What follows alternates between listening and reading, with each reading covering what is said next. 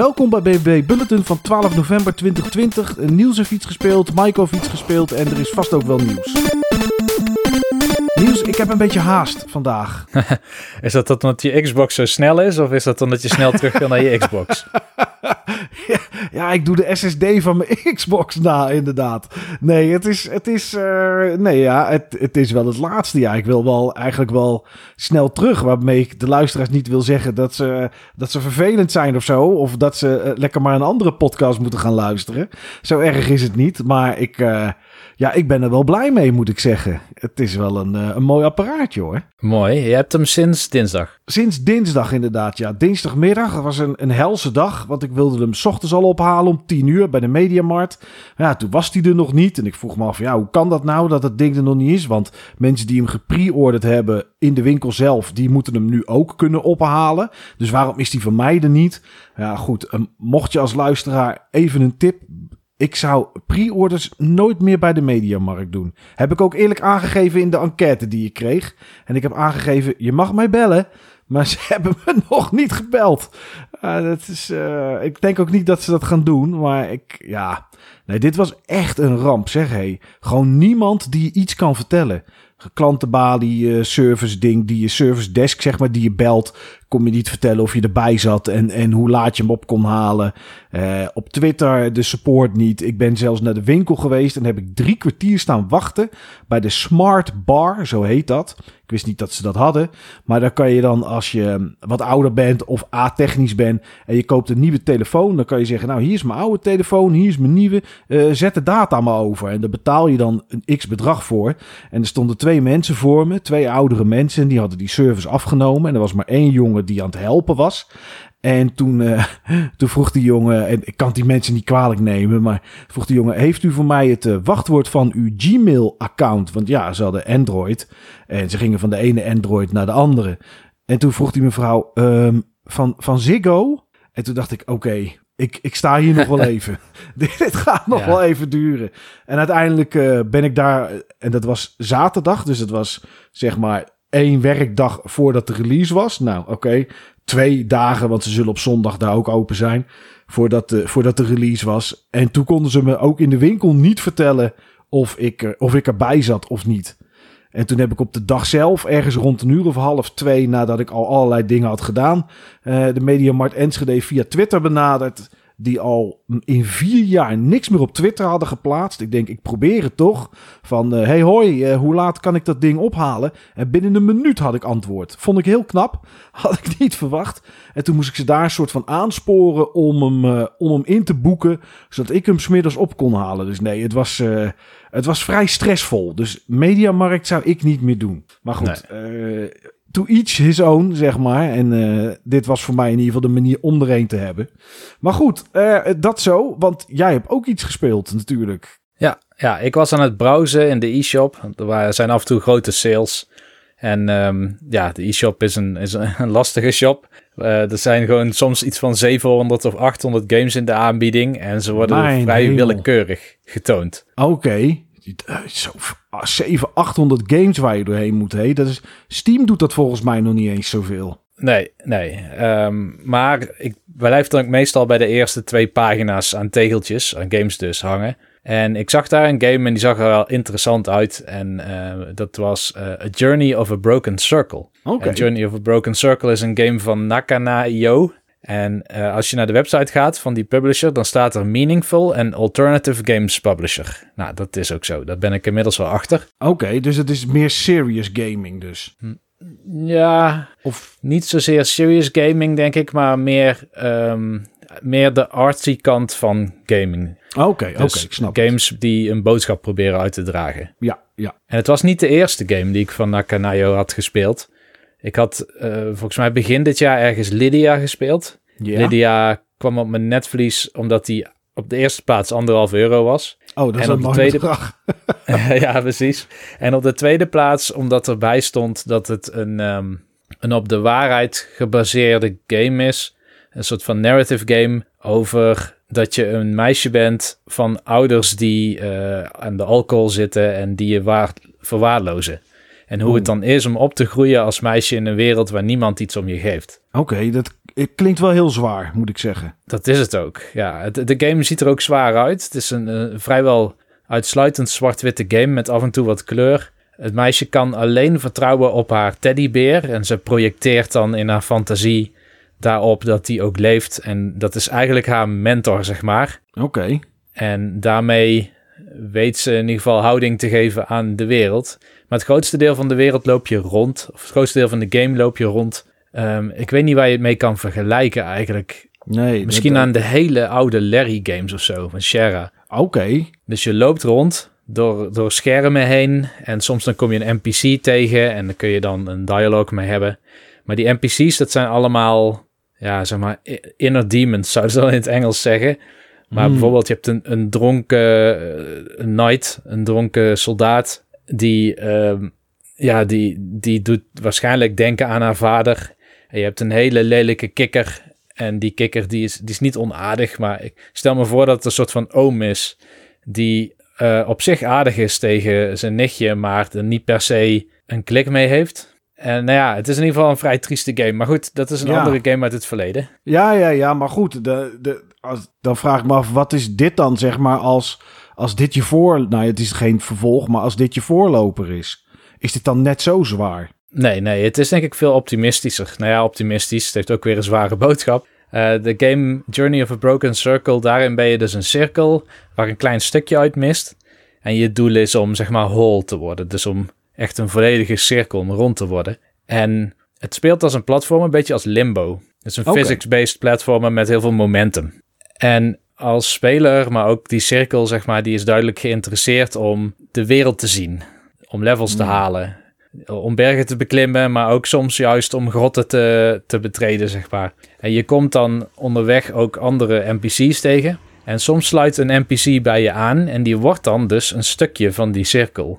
Dus tijdelijk word je ook echt rond. Oké, maar dat is tijdelijk, zeg maar. Het is niet dat die voor eeuwig met je meegaan als een soort rattenvanger van Hamel of zo. Of een soort Die alles opslokt, zeg maar. Dat is het niet. Nee, nee, nee, juist niet. Want de boodschap van de game is ook, denk ik tenminste, want ik bedoel, de game is niet heel expliciet daarin, maar dat, dat ieder eigen doel heeft in het leven. En dat soms voor een groot deel van de tijd denk je dat je iemand hebt gevonden die helemaal met je meegaat en die de wereld zo ziet zoals jij die ziet. Maar kom je er op een gegeven moment achter dat het beter is misschien om uit elkaar te gaan, dat je toch verschillende doelen hebt. Eh, een concreet voorbeeld is, je hebt een keer een, een companion en dat is een ballon. En die ballon die wil gewoon zweven. En jij wil ook zweven, maar de enige reden dat je wil zweven is omdat je dan weer nieuwe gebieden kan bereiken, zeg maar. Dan kun je over grotere kloven springen. Ja, Maar om die verder ballon- te komen. Ja, maar. die ballon Ja. die wil alleen maar een beetje rustig zweven en omhoog. Niet zozeer verder de wereld in, maar een beetje op de plek waar die al was.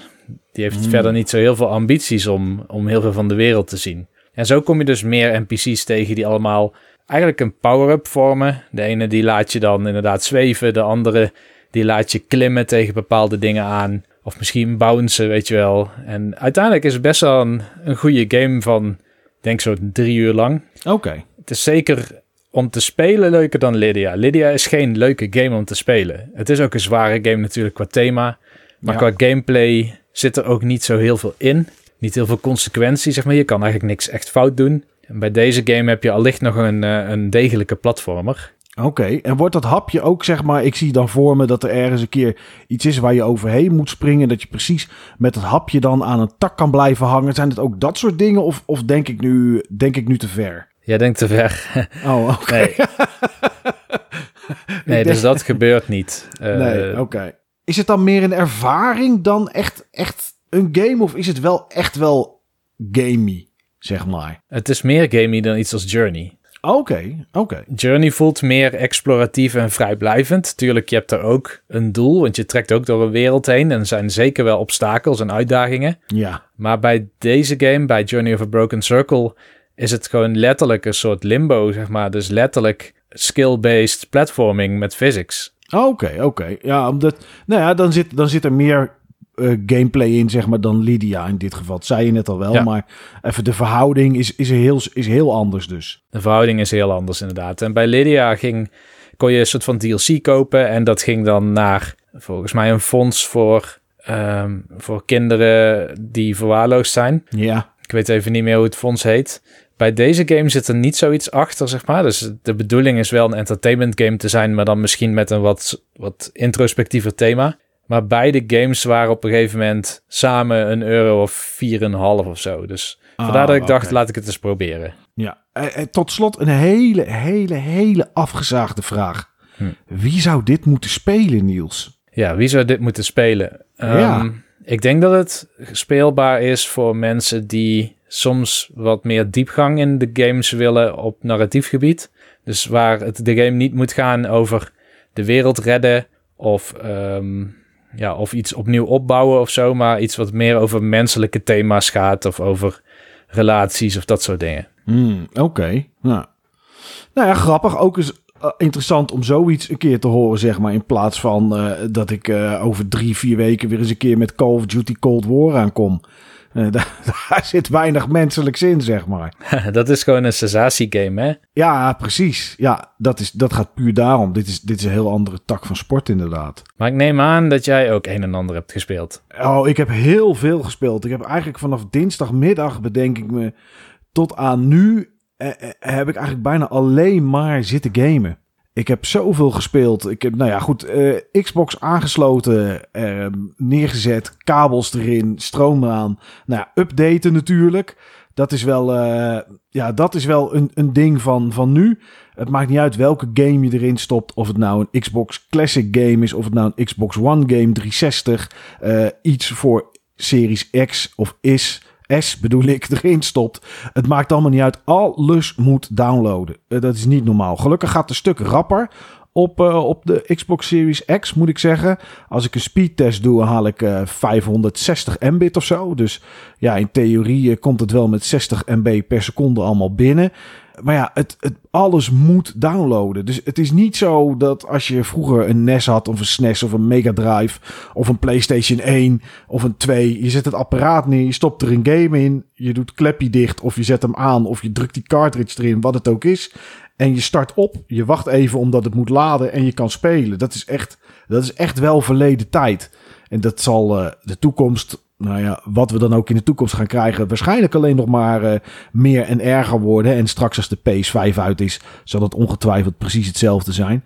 Dus ja, je bent wel een hoop aan het wachten. Uh, sowieso moest er iets van 755 MB aan update gedownload worden. Voor, um, nou ja, voor gewoon het menu en het systeem en, en dat soort zaken allemaal. Ondertussen uh, zit je niet te kijken naar een balkje, want dan zit je op de Xbox app die aangeraden wordt om te downloaden. Daar al die settings te zetten. Bijvoorbeeld, wat wil je doen als je de console uitzet? Wil je dat die echt helemaal uitgaat of wil je dat die naar standby gaat? Um, wat wil je met je tv? Wat voor audio setup heb je? Dat soort vragen, die krijg je allemaal, uh, die krijg je allemaal tijdens ja, dat je zit te wachten eigenlijk. En die slaat die volgens mij op in je, in je Xbox-account, wat je daarna koppelt. Ja, en dan ben je eigenlijk klaar uh, op het moment dat die update geïnstalleerd is. Nou goed, wat heb ik allemaal gedaan? Ik heb uh, Yakuza heb ik gespeeld. Dus heb ik inmiddels meer dan 10 uur in zitten. Uh, ga ik het nu niet expliciet over hebben. Ik ga het nu niet over één game expliciet nu hebben. Dat komt vanaf volgende week wel. Um, maar die is erg, erg leuk, moet ik zeggen. Uh, heel veel cutscenes. Maar goed, dat zijn we wel gewend natuurlijk. Maar wel heel gaaf. Uh, echt heel veel gelachen ook al. Echt, het is... Ik, uh, ja, een kameraad van mij speelt het ook. En, en we zitten ongeveer alle twee op hetzelfde punt wel in de game elke keer. En ja, we verbazen ons er gewoon over wat ze nu allemaal weer bedacht hebben. Dus dat is echt wel, uh, echt wel tof. Uh, Assassin's Creed Origins, nee, Valhalla bedoel ik. Die, uh, die heb ik even een uurtje gespeeld. Ziet er heel tof uit. Um, erg leuk. Maar ik, heb, ja, ik wil toch een beetje kiezen wat ik ga spelen. Dus ik doe eerst Yakuza verder spelen. Maar ja, ik heb wel een andere game al uitgespeeld op de Xbox Series X. Een indie game, The Tourist. Die uh, had ik gedownload omdat die klein was en in Game Pass zat. Uh, die moest, ik moest best wel wachten op een hoop downloads. Zoals uh, Forza Horizon. En nou ja, al die updates voor al die games die ik net genoemd heb. En toen dacht ik van, ja, weet je, uh, ik wil wel iets spelen tijdens het wachten. Ik download even iets kleins. En ik had de toerist al een keer wat trailers van gezien. Dacht ik, nou, dit kan wel eens grappig zijn. Uh, en dat is het ook. Dat is wel een leuke game. Kom ik ook nog wel een keer uitgebreider op terug. Maar goed, die heb ik dus uitgespeeld. Het enige was dat ik heel veel tijd had om die te spelen. Want op het moment, en dat scheen de Xbox One ook te doen op een gegeven moment.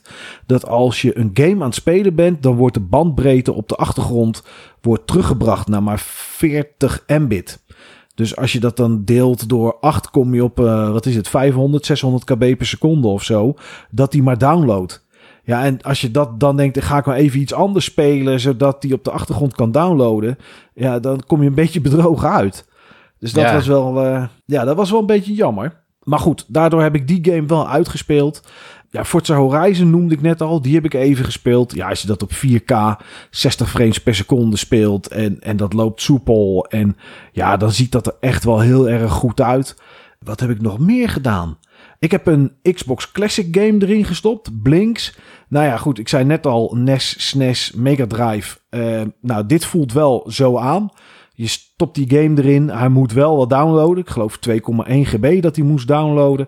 Uh, maar daarna, als je de game start, ja, alles is er direct. En dat was, het is bij Yakuza ook. Het is gewoon extreem dat je, de, dat je de loading screens die erin zit, waar dan tips voorbij komen, of het nou twee regels tekst is of vier regels tekst, je hebt gewoon geen tijd om het te lezen. Als je de eerste twee, drie woorden hebt gelezen, zit je alweer terug in de game. Dat is echt wel heel erg rap een Xbox 360 game heb ik geprobeerd. Blue Dragon, die RPG. Nou ja, goed. Uh, voordat ik het wist, zat ik weer anderhalf uur te spelen. En dat gaat ook eigenlijk allemaal net zo snel als dat het bij die Xbox Classic game ging.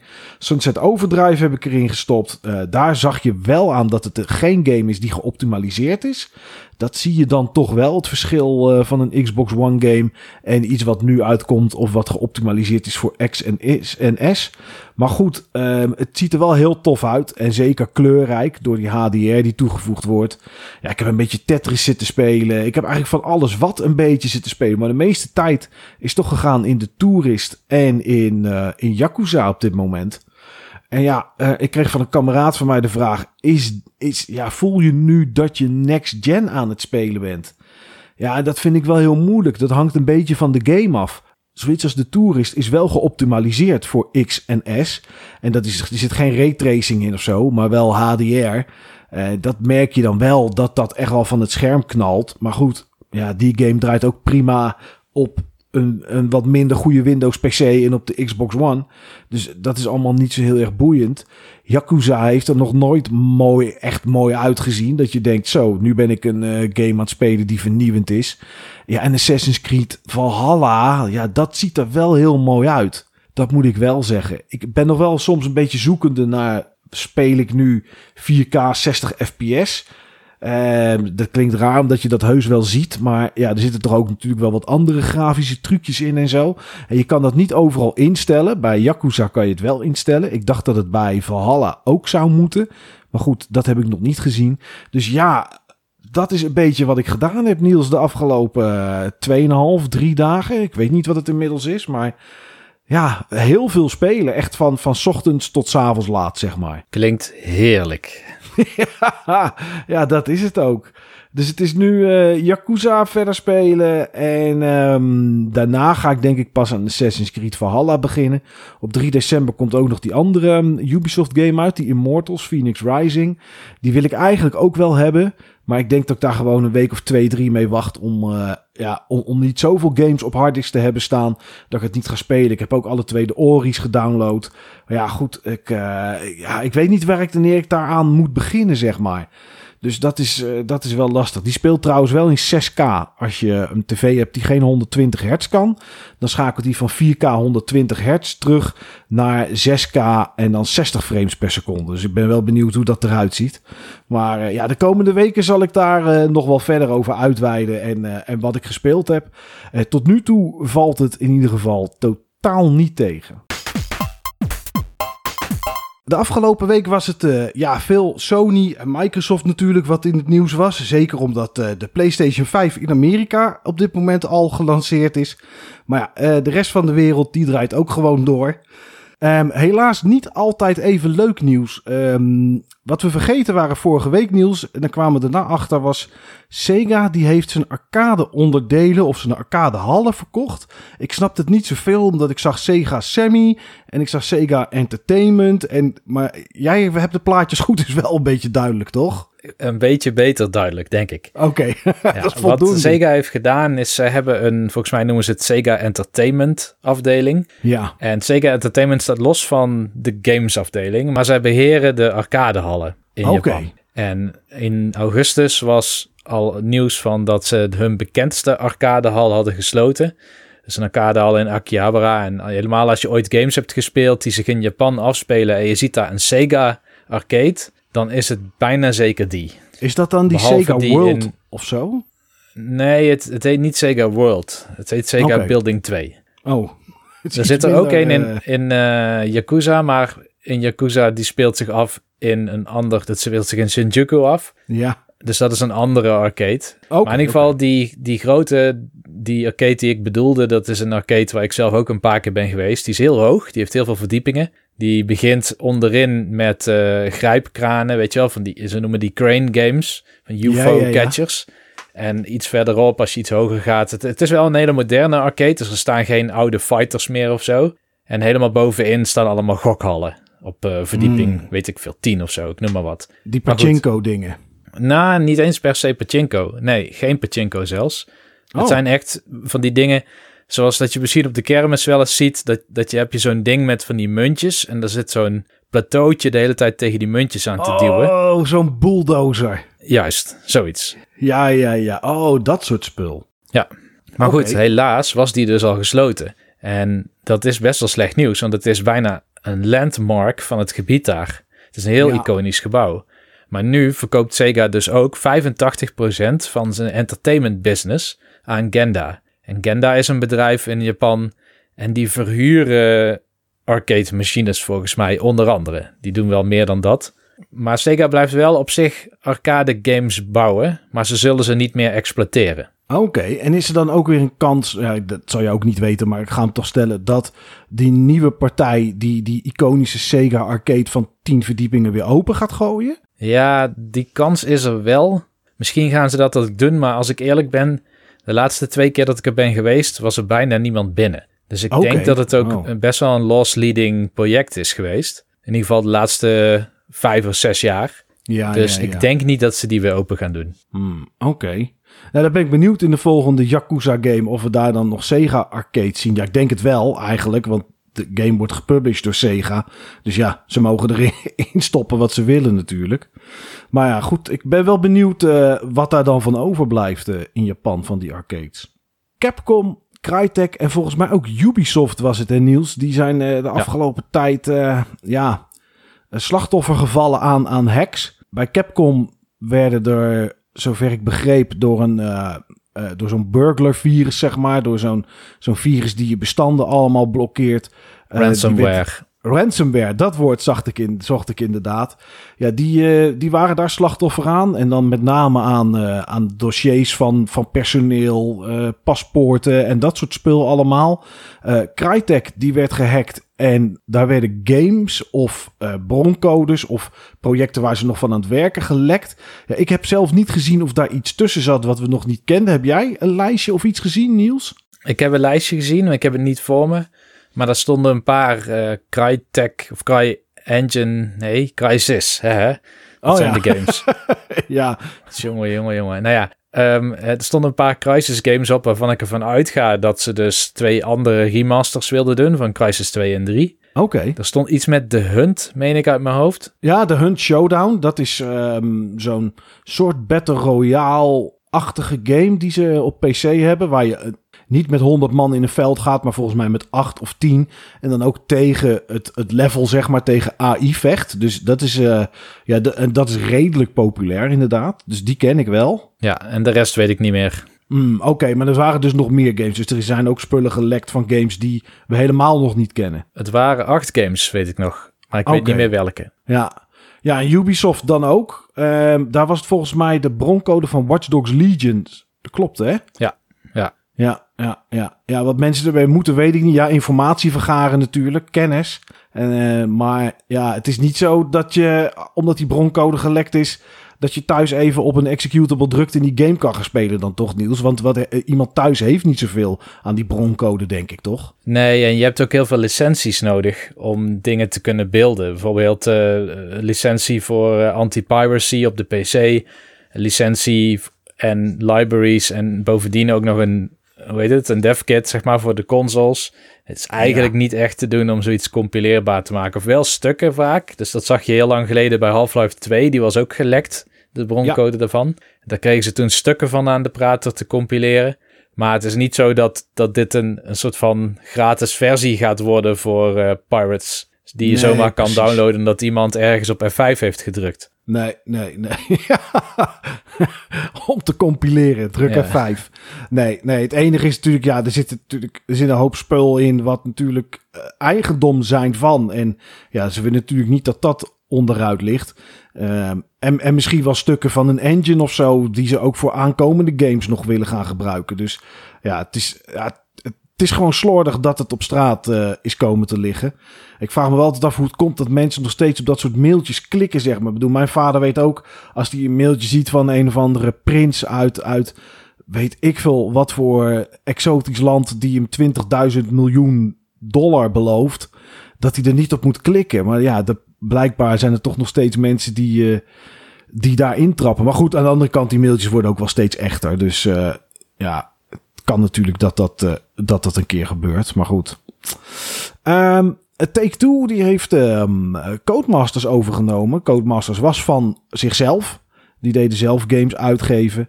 Um, ja, F1 deden ze onder andere, of doen ze onder andere. En Dirt 5 is natuurlijk net uit. Ja, het, uh, de, de grote lijken allemaal de kleintjes een beetje op te kopen, Niels. Uh, Microsoft is daar extreem goed in geweest de afgelopen tijd. Sony heeft wat dingen overgenomen en nu Take-Two. Voor de mensen die denken Take-Two, dat ken ik helemaal niet. Nee, dat is het moederbedrijf van 2K en van Rockstar. Dus dat is op zich wel een, een aardig grote. Ander nieuws is dat Control voor de PlayStation 5 en voor de Xbox Series X de geüpgrade versie van de, de, de disc waar wij het een keer over gehad hebben. De Ultimate Edition. De enige editie die, uh, die een upgrade kreeg. Uh, dat komt pas in 2021 in plaats van dat het nu uit zou zijn. Dus als je alsnog 40 euro hebt uitgegeven voor een game die je misschien al had. Ja, dan uh, moet je voorlopig toch nog even wachten voordat de officiële geüpgrade versie er is. En um, Spider-Man, daar hebben we het ook een keer over gehad, nieuws. Dat de PlayStation 4 saves niet meegingen naar de PS5, naar de remaster. En uh, nou, dat hebben ze gefixt. Ik, ik denk niet dat ze naar ons geluisterd hebben bij Insomniac. Want zo groot uh, en belangrijk zijn we niet op dat vlak. Maar uh, rond Thanksgiving dan, dan zou je je PS4 saves van de originele Spider-Man game moeten kunnen. Ja, waarschijnlijk zou je ze kunnen uploaden of zo naar, naar een cloud. En dat die ze op de PS5 opnieuw downloadt. Maar ik vind het wel netjes dat ze er toch aan werken, Niels. Dat ze niet zeggen, ja, dit is het en jammer joh. Nee, klopt. Dat vind ik zeker netjes. Um, ik denk namelijk dat best wel veel mensen die game al hebben gespeeld en misschien willen kijken hoe die is geüpgrade. Dat denk ik ook. Of misschien dat mensen hem, dat zou natuurlijk wel kunnen, al een keer hebben uitgespeeld en nu een nieuw game plus willen starten voor nog wat trofies. Al schijnen de trofies ook anders te zijn uh, op, de, op de remaster. Dus nou ja, goed. Weet je, het is netjes dat ze, er, dat ze eraan werken en dat ze, dat ze die dingetjes aanpassen. Tot slot ik ben er altijd heel erg nieuwsgierig naar. En ik wil het altijd graag weten. Maar we krijgen het niet te weten. En dan heb ik het over de aantallen Xbox Series X, Series X en Series S die verkocht zijn nu die uit is. Het schijnt dat toen de Xbox One uitkwam, ze binnen 24 uur de 1 miljoen verkocht hadden. In 2013. Eh, nou goed, ik heb op Twitter heb ik berichten gezien dat de, dat de lancering van de Series X en Series S dat die beter was dan van de One. Dus we kunnen ervan uitgaan dat ze er meer hadden en dus ook verkocht hebben. Maar ja, ze gaan nooit die cijfers meer aan ons laten weten, Niels. Ik vind dat jammer. Ik wil dat we, ja, of, of is dat ouderwets? aan de ene kant wel en aan de andere kant niet, denk ik. Ik zou het ook wel willen weten. Ik verwacht ook dat zowel de Xbox Series X als de PlayStation 5 in ieder geval in het eerste jaar meer verkopen dan de PlayStation 4 en de Xbox One. Ja. Uh, maar Microsoft heeft het al een tijdje over zeg maar, mensen in hun ecosysteem en omzet in hun, ja, hoe noemen ze het ook weer? MAU of zo hebben ze zo'n term. Ik weet niet eens waar het voor staat. Ja, klopt. Ik weet ook niet. Ik weet niet wat het betekent. Maar het komt in ieder geval neer op hoe mensen besteden in je, je systeem, in je ecosysteem. En Sony heeft gewoon een console en al hun content zit op die console. Maar Microsoft heeft niet alleen een console, maar die heeft ook PC en ook xCloud. En Ja. al die platformen zijn Xbox. Die genereren inkomsten voor hun game divisie. Dus wat dat betreft, hoeveel consoles je verkoopt, zegt wat minder. Ja, ja, intern bij hen denk ik wel. Omdat we van de week een interview zagen waarin, eh, omdat het niet zo heel best ging met de Xbox One, ze ergens in 2014 dachten van misschien moeten we er gewoon lekker mee stoppen. En was dit de laatste console die we gemaakt hebben. Eh, nou ja, dat hebben ze gelukkig niet doorgezet. Kwam ook omdat er mensen weggingen en dat er intern niet één richting was. En dat is ook het moment dat ze volgens mij eh Phil Spencer eh, aan boord hebben getrokken om dat een beetje in het gereel te krijgen. Vraag ik me wel altijd af hoeveel één man kan doen, zeg maar. Maar goed, dat is een ander verhaal. Ja, en hij zegt nu ook van, ja, het gaat er voor ons niet heel erg om hoeveel stukken plastic we verkopen. Het gaat er voor ons meer om hoeveel mensen van onze dienst gebruik maakten en hoeveel mensen Xbox games spelen. En of dat nou ja, een echte Microsoft game is of dat het een game is via xCloud die niet van Microsoft zelf is of via Game Pass. Ja, dat boeit ze niet, maar dat is waar ze, dat is waar ze naar kijken. Hij zegt ja, Google en Amazon en Facebook komen nu ook met gaming. Ja, ik ga niet met die mensen een competitie houden over hoeveel Xbox Series X ik verkocht heb. Eh, Google gaat ook niet aangeven hoeveel Chromecasts er verkocht zijn. Ja, daar zit natuurlijk wel wat in. Ze praten gewoon over hoeveel spelers hebben we. En Sony heeft het natuurlijk ook wel eens gedaan met de PlayStation. Hadden ze natuurlijk eh, de, de Vita opgeteld bij de PS3 en zo. En toen vonden we het allemaal niks. Maar ja, de, de wereld is wel een beetje veranderd sinds die tijd. Ja, Dus ja, het, eh, het, het zal niet anders zijn dan dat, denk ik. We krijgen misschien wel een keer wat cijfers ges- ge- geschat of gegokt. Maar voor de rest zal het zijn, ja, zoveel mensen spelen Xbox. ja, we krijgen geheidcijfers via bijvoorbeeld NPD in Amerika, Media Ja. Create in Azië en misschien GFK in Europa. Al heb ik daar al heel lang niks meer van gezien. Nou, ik ook niet. Vroeger was dat wekelijks, hè? Ja, ja Chartrack en GFK waren van Europa. Ja. inderdaad. Weet je, we krijgen een aardige indicatie van hoe het loopt, hoe het gaat Ja. met de console. En dan weten we ook dat het maar een klein deel van het verhaal vertelt over hoe gezond zeg maar de business is. Ja. Ja, ik vind het wel interessant. Maar goed, ik snap wel dat ze het op deze manier, eh, dat ze het op deze manier doen. Maar ja het, eh, ja, het is wat het is. En daar kunnen we heel weinig aan veranderen, ben ik bang. Ehm, ja, dat was hem, Niels, voor deze week. Oh nee, één ding wil ik nog even zeggen. Dat is inmiddels op het moment van opnemen zijn we denk ik dat wel gepasseerd. Jij weet het misschien beter dat je stiekem hebt gekeken. Maar ehm, wij worden wel eens bedankt op het Buttonbashers Forum bijvoorbeeld voor het maken van content. Dat ze zeggen, nou bedankt dat jullie dit opnemen en ons, eh, ons daarmee entertainen, zeg maar. Of informeren. Maar goed, andersom wil ik dat ook even één keer doen. Volgens mij heb ik het de tijd terug al een keer gedaan. Maar nu helemaal omdat, ja, ik denk dat we op middels er wel zijn, Niels. Dat dit het beste podcastjaar ooit is, hè, in zeven jaar. Ja, dat klopt. We hebben inmiddels hoger dan, en ik dacht dat 2015 of zo het hoogste jaar was wat we, wat we hadden. En ik dacht dat het een fluke was, omdat de Ja. jaren daarna allemaal best wel significant lager waren. Mhm. Maar dit is dus weer een jaar dat hoger is nog dan dat hoogste jaar. Ja. Dat is echt bizar. Ja, ja, we hebben wel meer content gemaakt. We hebben natuurlijk, eh, we zijn denk ik al op 25 of 30 stuks. Ik weet niet precies, BB Bulletins, wat natuurlijk elke week is. Dus ja, dan gaat het wel hard. Maar ja, aan de andere kant, mensen luisteren die in één keer af. En andere podcasts misschien in twee delen. Eh, dus daar vragen we meer tijd. Vroegen we destijds van de mensen om te luisteren naar ons. Maar goed, als je het allemaal bij elkaar optelt, deelt, vermenigvuldigt, wortel trekt en eh, dat soort grappen, dan eh, ja, ziet, dit, eh, ziet dit er heel erg leuk uit. We hebben een heel goed jaar en dat is, het jaar is nog niet afgelopen. Dus dat zet wel een beetje de bar nieuws voor volgend jaar. Ja, inderdaad, behoorlijk. Nou ja, volgend jaar gaan we misschien weer meer gewoon reguliere Buttonbashers afleveringen erbij opnemen. Dat sowieso. Ja, ja, ja. Het woordje er, er- erbij vind ik wel belangrijk in deze. Want eh, ja, ik zie mezelf nog niet zo snel hiermee stoppen, moet ik heel eerlijk zeggen. Nee, zeker niet. Maar, nee. Nou goed, eh, voor vandaag stoppen we er wel mee, want eh, dit was hem. Maar volgende week zijn we terug met een nieuwe aflevering. En ga ik iets dieper in op, op wat ik gespeeld heb op de Xbox Series X.